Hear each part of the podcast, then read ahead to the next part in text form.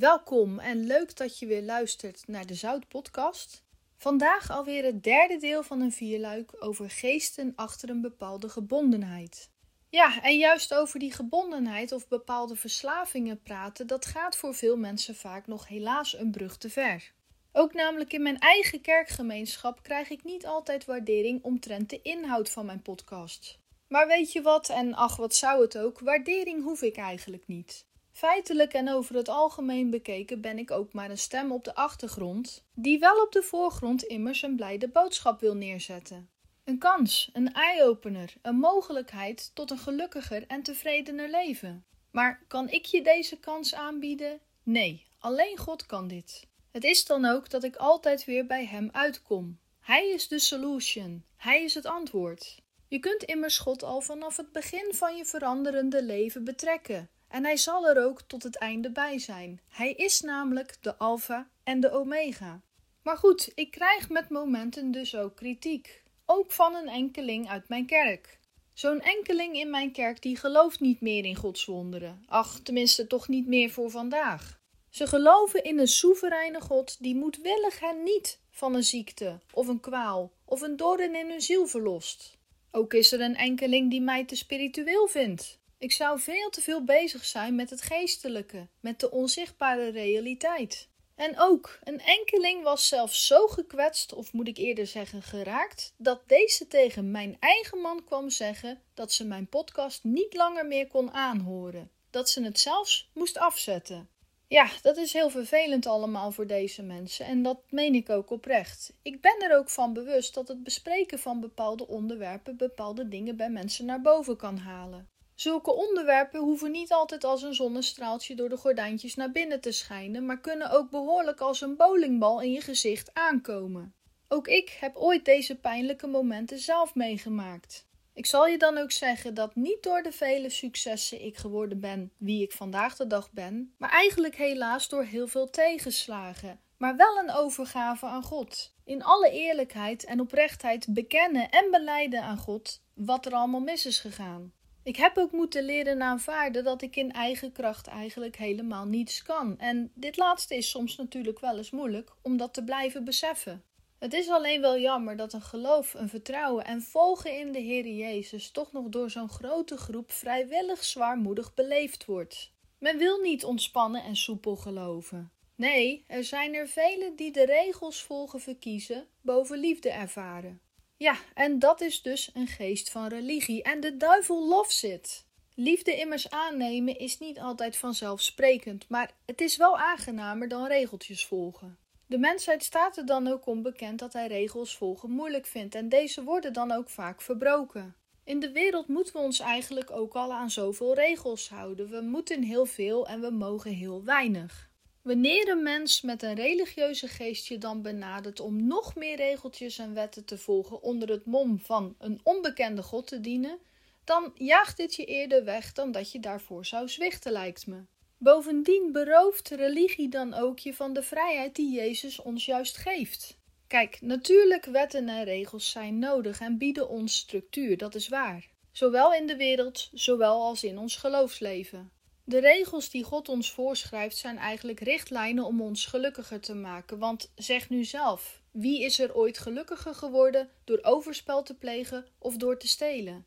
Maar goed, buiten de regels die we dus natuurlijk van God kennen, vraagt God niet van ons om allemaal zwaar opgelegde regels van anderen te hanteren in ons leven en een leven vol met zelfbeperkingen. Regels die door mensen zijn opgelegd. Je komt bijvoorbeeld deze zwaarmoedigheid heel veel tegen in de zogenaamde zwarte kousenkerken. Het woord zegt het immers al. Het voorkomen en de kledingcode is uiterst belangrijk. Alleen zo kun je voor je schepper verschijnen. Paulus spreekt in Galaten 5 vers 1 het volgende. Opdat wij werkelijk vrij zouden zijn, heeft Christus ons vrijgemaakt. Houd dus stand en laat u niet opnieuw een slavenjuk opleggen. Maar ja, de kerkstroming waar ik net over sprak, die zogenaamde Zwarte Kousenkerk, die doet dit dus. In dit soort kerken heerst er helaas vaak een geest van religie. Kijk, ik denk echter wel dat als je voor de eerste keer in zo'n kerk komt kijken uit louter nieuwsgierigheid, dan zul je deze dienst wel in je gewone kleding, in je casual kleren mogen meevolgen. Maar wanneer je eenmaal een van hen bent, dan wordt er wel verwacht dat je meedraait in de kledingcode die zij bedacht hebben. In een spijkerbroek en in een t-shirt verschijnen iedere zondag, dat zal werkelijk een schande zijn. De vrijheid die je vroeger dus had om zelf je te kleden, om uit te kiezen en aan te trekken wat jij wilt, ook op zondag, wordt je dus ontnomen in dit soort kerken. Wat mij overigens in gereformeerde en reformatorische kerkstromingen enorm opvalt, is dat niet alleen op zondag er een bepaalde dresscode gehanteerd wordt, maar eigenlijk de hele week door. Vrouwen dragen doorgaans geen make-up, verven hun haren niet, zijn sereen gekleed, vaak in een rok tot op de enkels. Mannen dragen daarentegen vaak door de week zijn overhemd en op zondag een gekleed pak.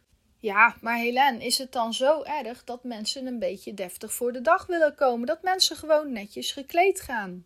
Nee, op zich is daar niets mis mee. Maar wanneer je eigenlijk buitengesloten wordt omdat je iets anders aan hebt dan de meeste kerkgangers, dan is het wel een probleem. Ik ben het er natuurlijk mee eens dat je niet in een diep decolleté of in een heel kort broekje in de kerk plaatsneemt. Je mag van me weten dat ik ook wel eens mensen naar de kerk zie gaan waarvan ik denk: nou, nou, ga je naar een afterparty of ga je naar een dienst? Een gedachte, een idee, een mening is natuurlijk snel gemaakt. De Bijbel geeft ook aan dat vrouwen niet de aandacht moeten trekken met hun mooie voorkomen. De Bijbel spreekt dan specifiek over de mooi gevlochten haren, de sieraden, maar de Bijbel spreekt er eigenlijk over dat vrouwen op een andere manier eigenlijk de aandacht naar zich toe moeten trekken door eigenlijk een goede bediening in de kerk te doen. Door eerlijke en oprechte vrouwen te zijn en dit geldt natuurlijk ook voor mannen. Maar goed, wat er in de Bijbel mode was, dat is vandaag de dag niet meer, maar je hoeft daar inderdaad niet als een fashion queen te zitten. Eervol gekleed gaan hoeft niet alleen in een rok tot op je enkels.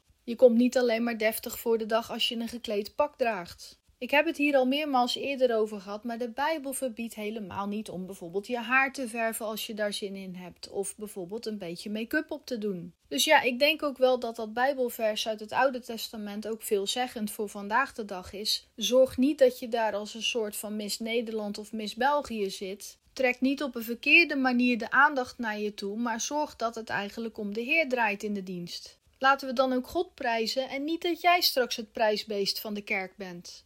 Ja, en zo zijn er eigenlijk verschillende geloofstromingen die dit soort regeltjes hanteren, die eigenlijk verbonden zijn met een geest van religie. Een geest van religie is namelijk een heel groot probleem in vele kerkgemeenschappen en is helemaal niet zeldzaam. Wanneer ik ook, net als in mijn vorige podcast, over de geest van narcisme en de geest van codependentie heb gesproken, neemt ook deze geest een overhand in het regeren, begeleiden, coördineren, maar ook manipuleren van een kerkgemeenschap. Het is misschien ook handig dat ik het eventjes toelicht, want het was niet voor iedereen even duidelijk, omdat ik heel wat vragen weer heb gekregen over deze geesten en deze geestelijke gebondenheid. Maar wanneer ik spreek over een geestelijke gebondenheid, dan spreek ik over een persoon die werkelijk gebonden is aan een bepaalde geest. Ik spreek ook soms over een bolwerk, dan gaat het eigenlijk over een groter geheel. Dan kan dat bijvoorbeeld een hele kerkgemeenschap zijn, een buurt,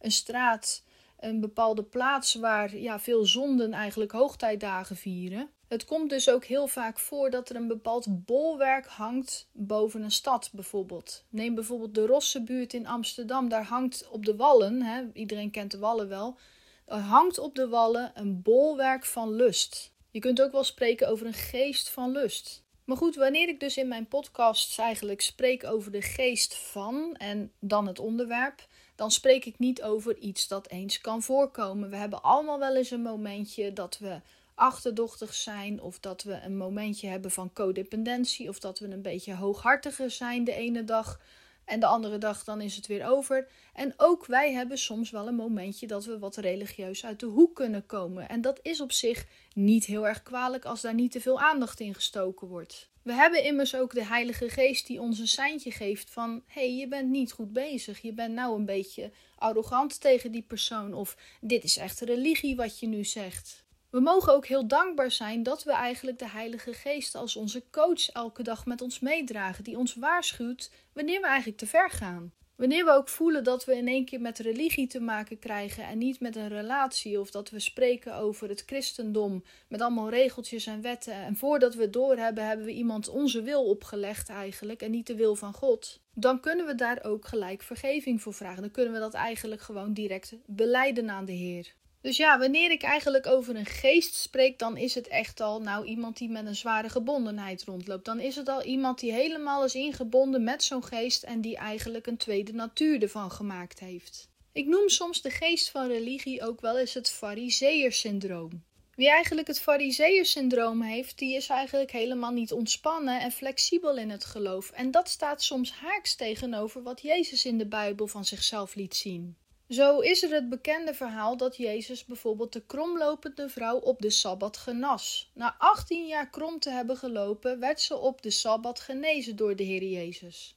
Nou, dat verhaal is dus heel bekend en iedereen leest daarin ook dat die vrouw het uitschreeuwt van vreugde van dank u rabbi dat u mij genezen heeft. Maar de fariseeërs waren daar eigenlijk wat minder enthousiast over. Ze vonden eigenlijk dat Jezus de hele week door wel wonderen mocht doen, maar niet op de sabbat. Het was werkelijk een schande. Ja, een schande, dat zal wel. Maar Jezus zei ook dat het hypocriet was wat deze schriftgeleerden zeiden. Jezus was niet bepaald een watje die gewoon wegliep en ze maar liet spreken, maar Jezus zei hun ook heel scherp dat ze zelf ook niet altijd netjes de sabbat in ere hielden, omdat ze bijvoorbeeld hun ossen en ezels te drinken gaven op de sabbat. Dat is ook werken, zei Jezus. En waarom mag ik deze vrouw dan niet op de sabbat genezen? Het was immers op de sabbat dat deze vrouw naar de synagoge kwam. Anders had ze Jezus niet gezien.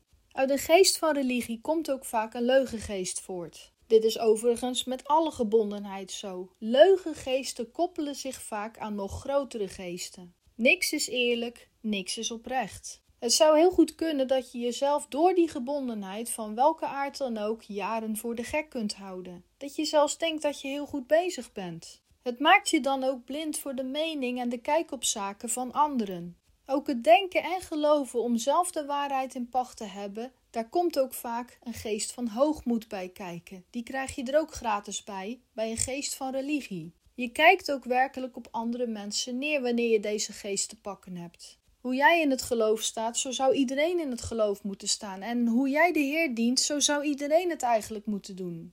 Neem bijvoorbeeld een persoon die in een kerk zit en door de week heel graag zou willen evangeliseren, maar aan de kerk vraagt om de nodige boekjes, flyers en foldertjes of misschien wel bijbeltjes die deze kerk ter beschikking heeft. Ja, ter beschikking heeft, ja. Maar helaas is er één persoon die over het kastje gaat waar de boekjes, de bijbeltjes en de flyertjes liggen in opgesloten. Deze verantwoordelijke tussen haakjes heeft eigenlijk niet zo'n zin om het kastje te openen en de spulletjes die erin liggen tot beschikking te stellen. Er komt dan ook vaak een sfeertje van tegenzin en enkele vragen zoals van aan wie ga jij die folders geven dan? Bij wie ga jij die flyers uitdelen? Of wat dacht je van deze? Nee, wij houden deze bijbeltjes en deze foldertjes voor onszelf, voor als wij een keer op evangelisatietour gaan.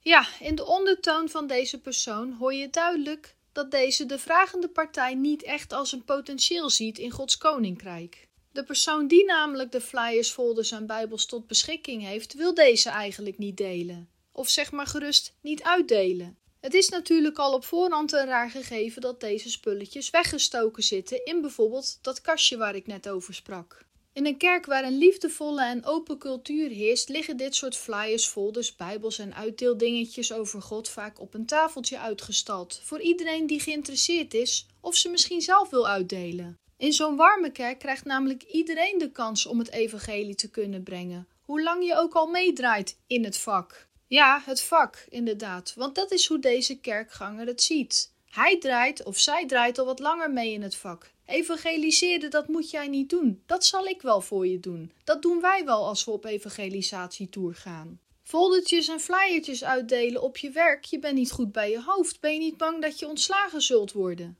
Hoe ga jij het woord van God dan brengen? Vertel me dat dan eens een keer. Herkenbaar deze woorden? Nou, voor mij wel. Inmiddels evangeliseer ik al een hele tijd, maar ooit ben ik ergens begonnen, een hele tijd geleden. Het mag misschien erg klinken, maar ook ik heb al tegen dit soort dingen aangelopen. Dat mensen eigenlijk net niet zeggen: Nou, liever niet dat je evangeliseert. Laat dat maar aan mij over. Ik heb er eigenlijk wel echt verstand van. Ik draai al zo lang mee in deze kerk en jij komt nog maar net kijken. Jij bent niet in staat om dit te doen. Nee, het werd niet met zoveel woorden gezegd, maar het werd wel mooi verpakt met een bijbelstrikje. Laat dat maar aan ons over. Wij hebben daar een team voor. Wij zullen dit wel doen.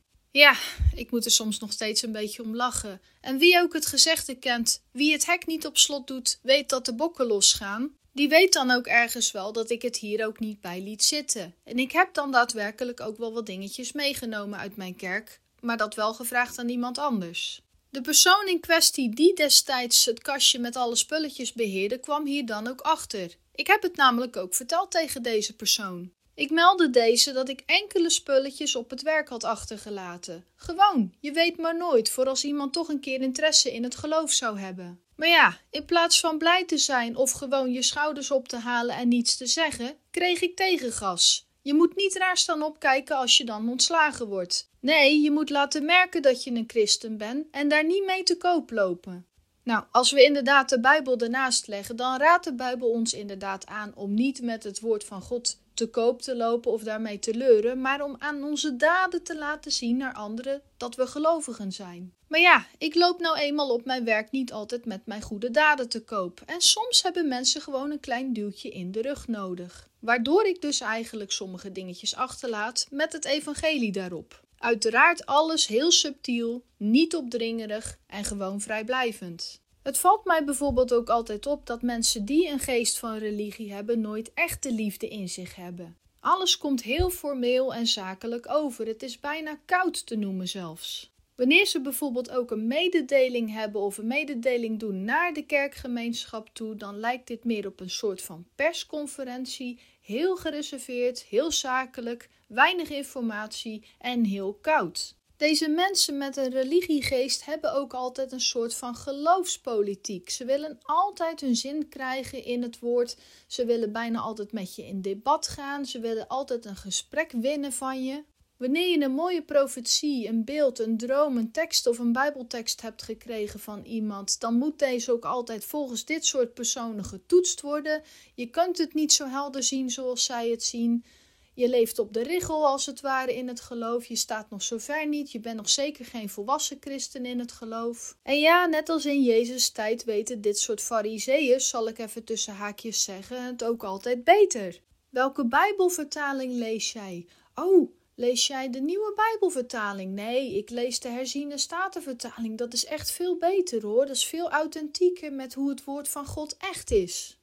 Joh, hebben jullie nog steeds een kerstboom? Je weet toch dat een kerstboom dat dat uit de Germaanse cultuur komt, dat dat occult is? Dat moet je niet in huis nemen hoor. Dat is echt niet goed hoor. Dat is niet wat God wil. Daar gaat het kerstfeest niet over.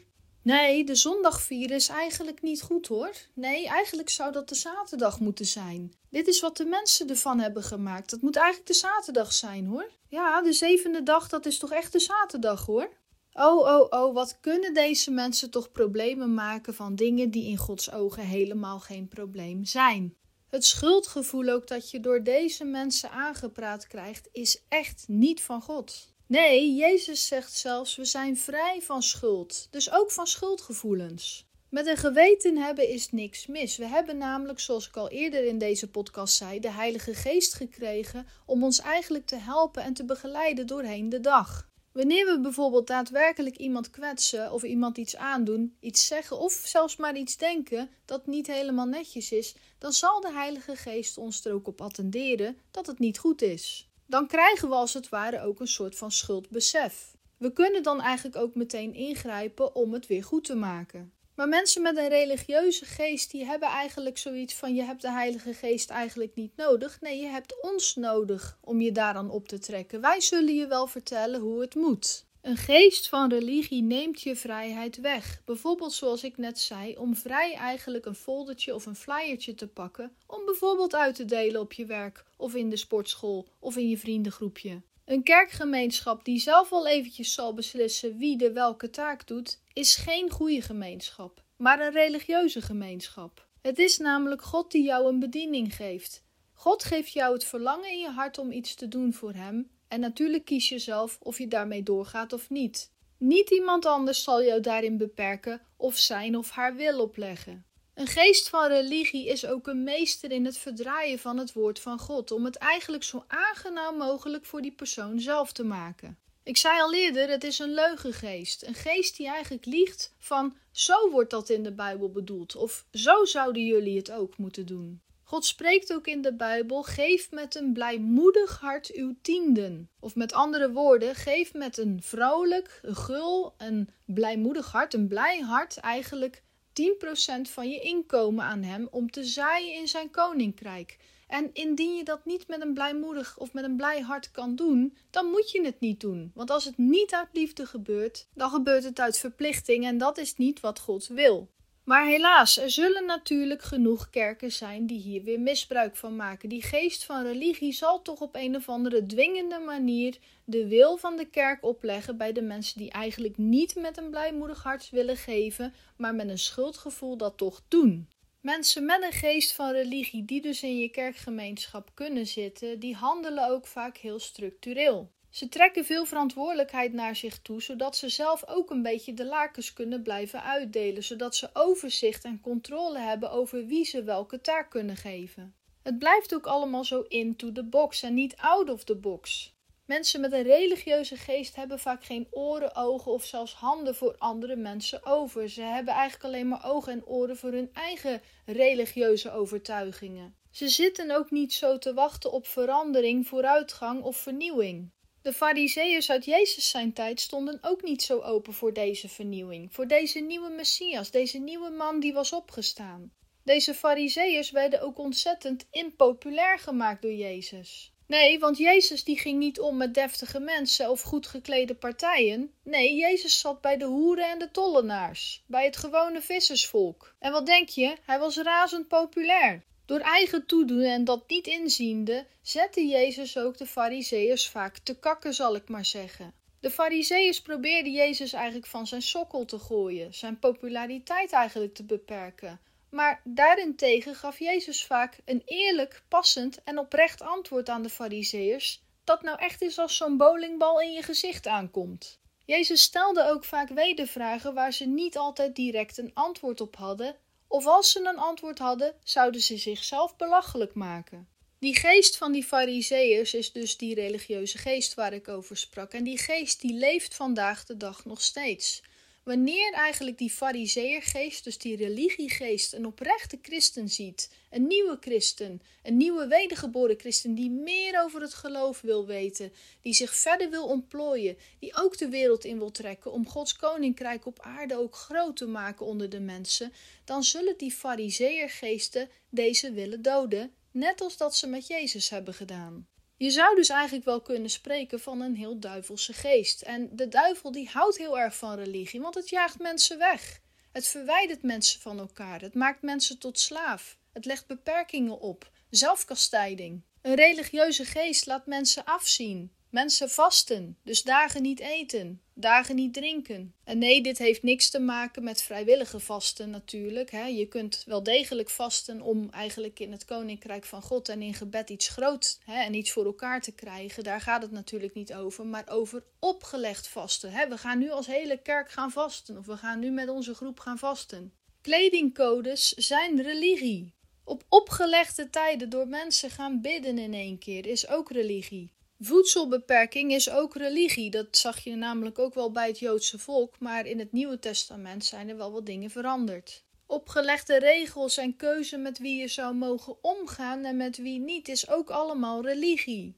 Ja, en misschien hoor je het goed, maar over de kledingkeuze, het eten, wat je wel en niet mag eten, hè, dus de voedselbeperking. Het vasten, het bidden op bepaalde tijden, dat kan je ook wel een beetje doen denken aan bijvoorbeeld de islam. Het islamitisch geloof is ook echt een religie, zoals men dat noemt. Het heeft niets te maken met houden van Allah. Het heeft niets te maken met liefde. Dit is een en al, en het spijt me om te zeggen, ook mensen die moslim zijn. Ik weet dat er moslims meeluisteren. Maar vanuit het christelijk geloof heeft dit alles te maken met een geest van religie, met opgelegde regels die anderen verzinnen die wellicht wel in de Koran zijn terug te vinden, maar dit heeft alles te maken met het vrijheidsberoven en het beperken. Niet alleen in de islam, maar ook in heel wat andere godsdiensten. Neem bijvoorbeeld bij de Jehovah's getuigen. In bepaalde secten moet je ook maar inleveren, inleveren, inleveren. Ook Jehovah's getuigen lopen vaak in ja, kledingcode rond. Ze hebben vaak ook uh, nette kledij aan, zal ik maar zeggen. Zij zijn bijvoorbeeld heel erg van het in de community blijven, binnen de gemeente trouwen, niet met iemand van buitenaf of een andere gemeenschap. Ze hebben zelfs bepaalde dingen die ze niet mogen doen, dus geen verjaardag vieren, bloedtransfusies zijn verboden. Leven zoals de zogenoemde Amish families dat doen, is ook op en top religie, ik kan het niet anders zeggen. Deze mensen die bonjouren eigenlijk gewoon ja, de tijd buiten. We leven in 1800 zoveel en we leven zonder elektronica en zonder technologie. Dat is ook allemaal jezelf ontdoen van beperkingen. En ik weet dat vele Amish-families zullen zeggen: ja, maar dan kunnen de kinderen niet naar porno op televisie kijken. En dan kunnen we ons onthouden van bijvoorbeeld het verderfelijke journaal dat we iedere dag zouden zien als we gewoon in deze tijd zouden leven in 2022.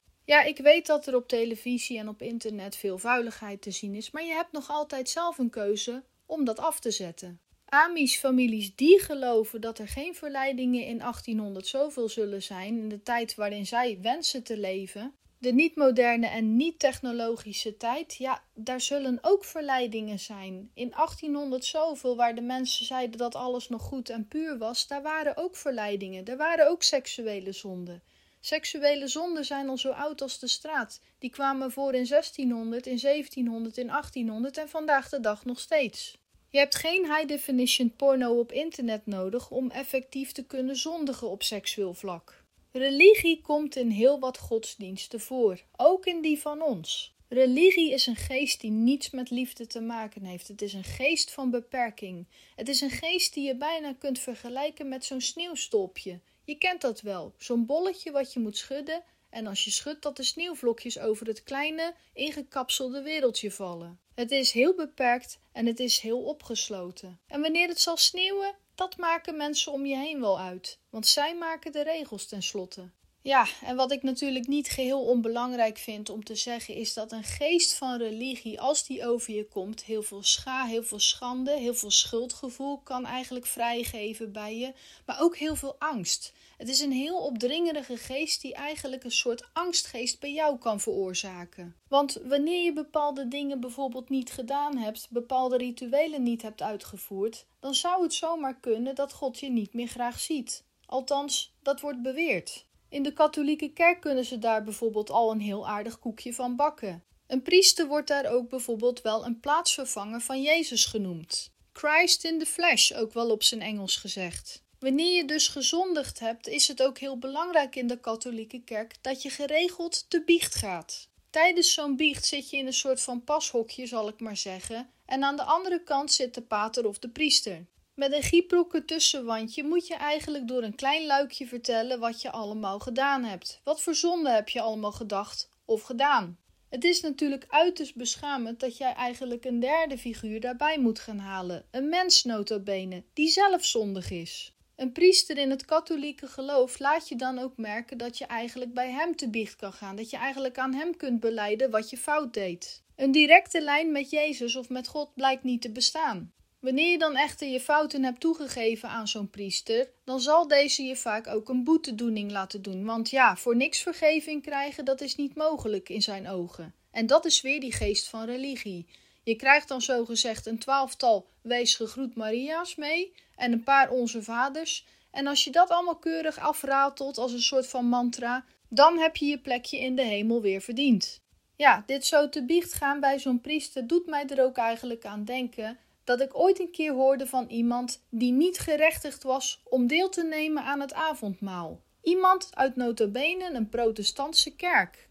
Het betrof hier een jonge jongen die sinds kort een vriendinnetje had en worstelde met seksuele gevoelens. Deze jongen had niks verkeerd gedaan, hij had zelfs nog niet eens iets ondernomen, maar hij had aan zijn ouders opgebiecht dat hij onreine gedachten over zijn vriendinnetje had gekoesterd. De ouders van deze jongen vonden dit niet zo mooi. Het was namelijk vandaag de eerste zondag van de maand en dan was er altijd avondmaal in de kerk. Tja, en in hun ogen, als je dan met zulke onzuivere gedachten in de kerk moet deelnemen aan zo'n avondmaal, dan is het misschien maar beter dat je het niet doet, want dat gaat God nooit niet goed vinden natuurlijk. In deze kerk hadden ze daar zelfs een naam voor: niet gerechtigd zijn. Niet gerechtigd zijn om deel te nemen aan het avondmaal. Nou, dit is natuurlijk weer zo'n voorbeeld van totale religie en totale crap. Nergens staat er in de Bijbel over het laatste avondmaal van Jezus dat je moet voldoen aan een bepaalde gedachtegang, dat je zonder zonde aan het avondmaal moet gaan. Jezus zegt enkel: Doe dit om mij te gedenken. Herhaal dit af en toe en denk aan mij. Net als deze jongen uit de protestantse kerk worden we allemaal wel eens geteisterd door vervelende of onreine of ja, misschien zondige gedachten. Maar het wil niet zeggen omdat we dit denken dat we er dan ook aan toegeven. Een gedachte kan gewoon in je opkomen, maar is niet altijd automatisch zondig. Zolang dat je er niets mee doet en eigenlijk zegt: Heer, ik heb een onreine gedachte en ik stuur ze weg in Jezus' naam. En dat deze jongen eigenlijk gewoon dit eerlijk opbiecht. Hij brengt eigenlijk, hoe lief ook eigenlijk, zijn onreine gedachten over zijn vriendinnetje in het licht. En hij wordt eigenlijk als het ware gestraft met: jij mag niet meedoen met het avondmaal, want jij bent niet gerechtigd daartoe. Nou, ik zal je zeggen, deze jongen heeft het grootste voorrecht om aan het avondmaal deel te nemen. Want dit is juist waar Jezus voor gestorven is, voor onze zonden en ook onze zondige gedachten. En ook de zondige gedachten die we misschien niet in het licht brengen. Zo zie je dat religie mensen afstraft, klein houdt, beperkt en liefdeloos is. Er is zelfs een grote kans dat deze ouders hetzelfde hebben meegemaakt toen zij jong waren en dat zij ook niet gerechtigd waren met momenten om aan het avondmaal deel te nemen. Religie is helaas vaak een aangeleerd iets. Een zwaarmoedig geloof wordt vaak met de paplepel eigenlijk erin gedouwd en op latere leeftijd zal dit zich ook manifesteren in, in gedragingen van kerkgangers. Ze weten namelijk niet beter. Mensen die lijden aan een religieuze geest, of ik zal eigenlijk zeggen onder een religieuze geest, en het is echt lijden wat die mensen doen, die zijn niet vaak bij slecht. Vaak weten deze mensen niet eens, omdat die leugen in stand gehouden wordt dat dit normaal is. Vaak weten die mensen niet eens dat ze lijden onder een religieuze geest, dat ze er eigenlijk door gebonden zijn.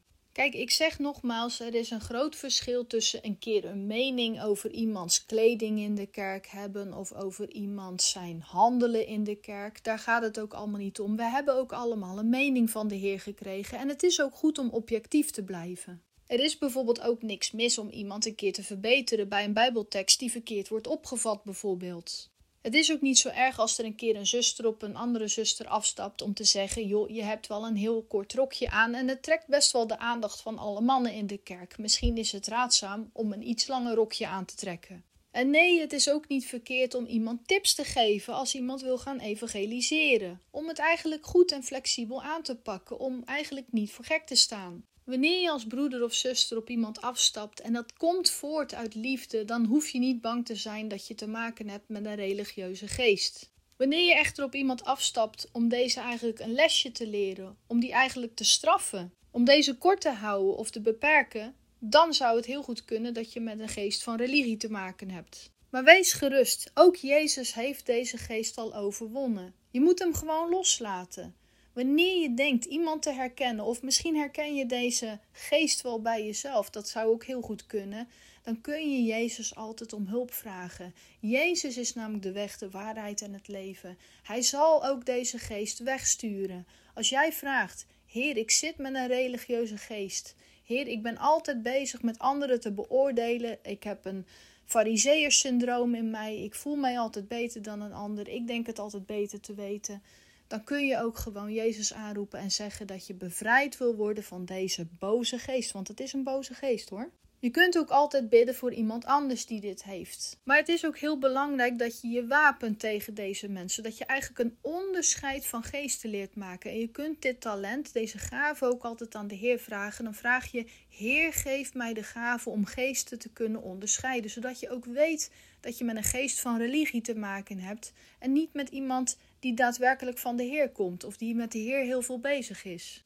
Oké, dit was het eventjes voor vandaag. Het was toch weer een hele boterham. Ik zou zeggen, de volgende podcast zal nummer 4 zijn van het vierluik, dus de laatste. Daarna zal ik een podcast maken over de eindtijd, nogmaals, omdat daar toch heel veel vraag naar is. Het zal gaan over de antichrist, over de gebeten honden, hij die opstaat en part of the game. Dat zijn de trefwoorden. En ik maak jullie alvast een klein beetje nieuwsgierig daarnaar. Ik ben er al mee bezig. En binnenkort zal die ook op Angor staan, op Spotify of eender welk forum waar je mijn podcast kan horen. Ik wens je een fantastische dag toe en God zegen.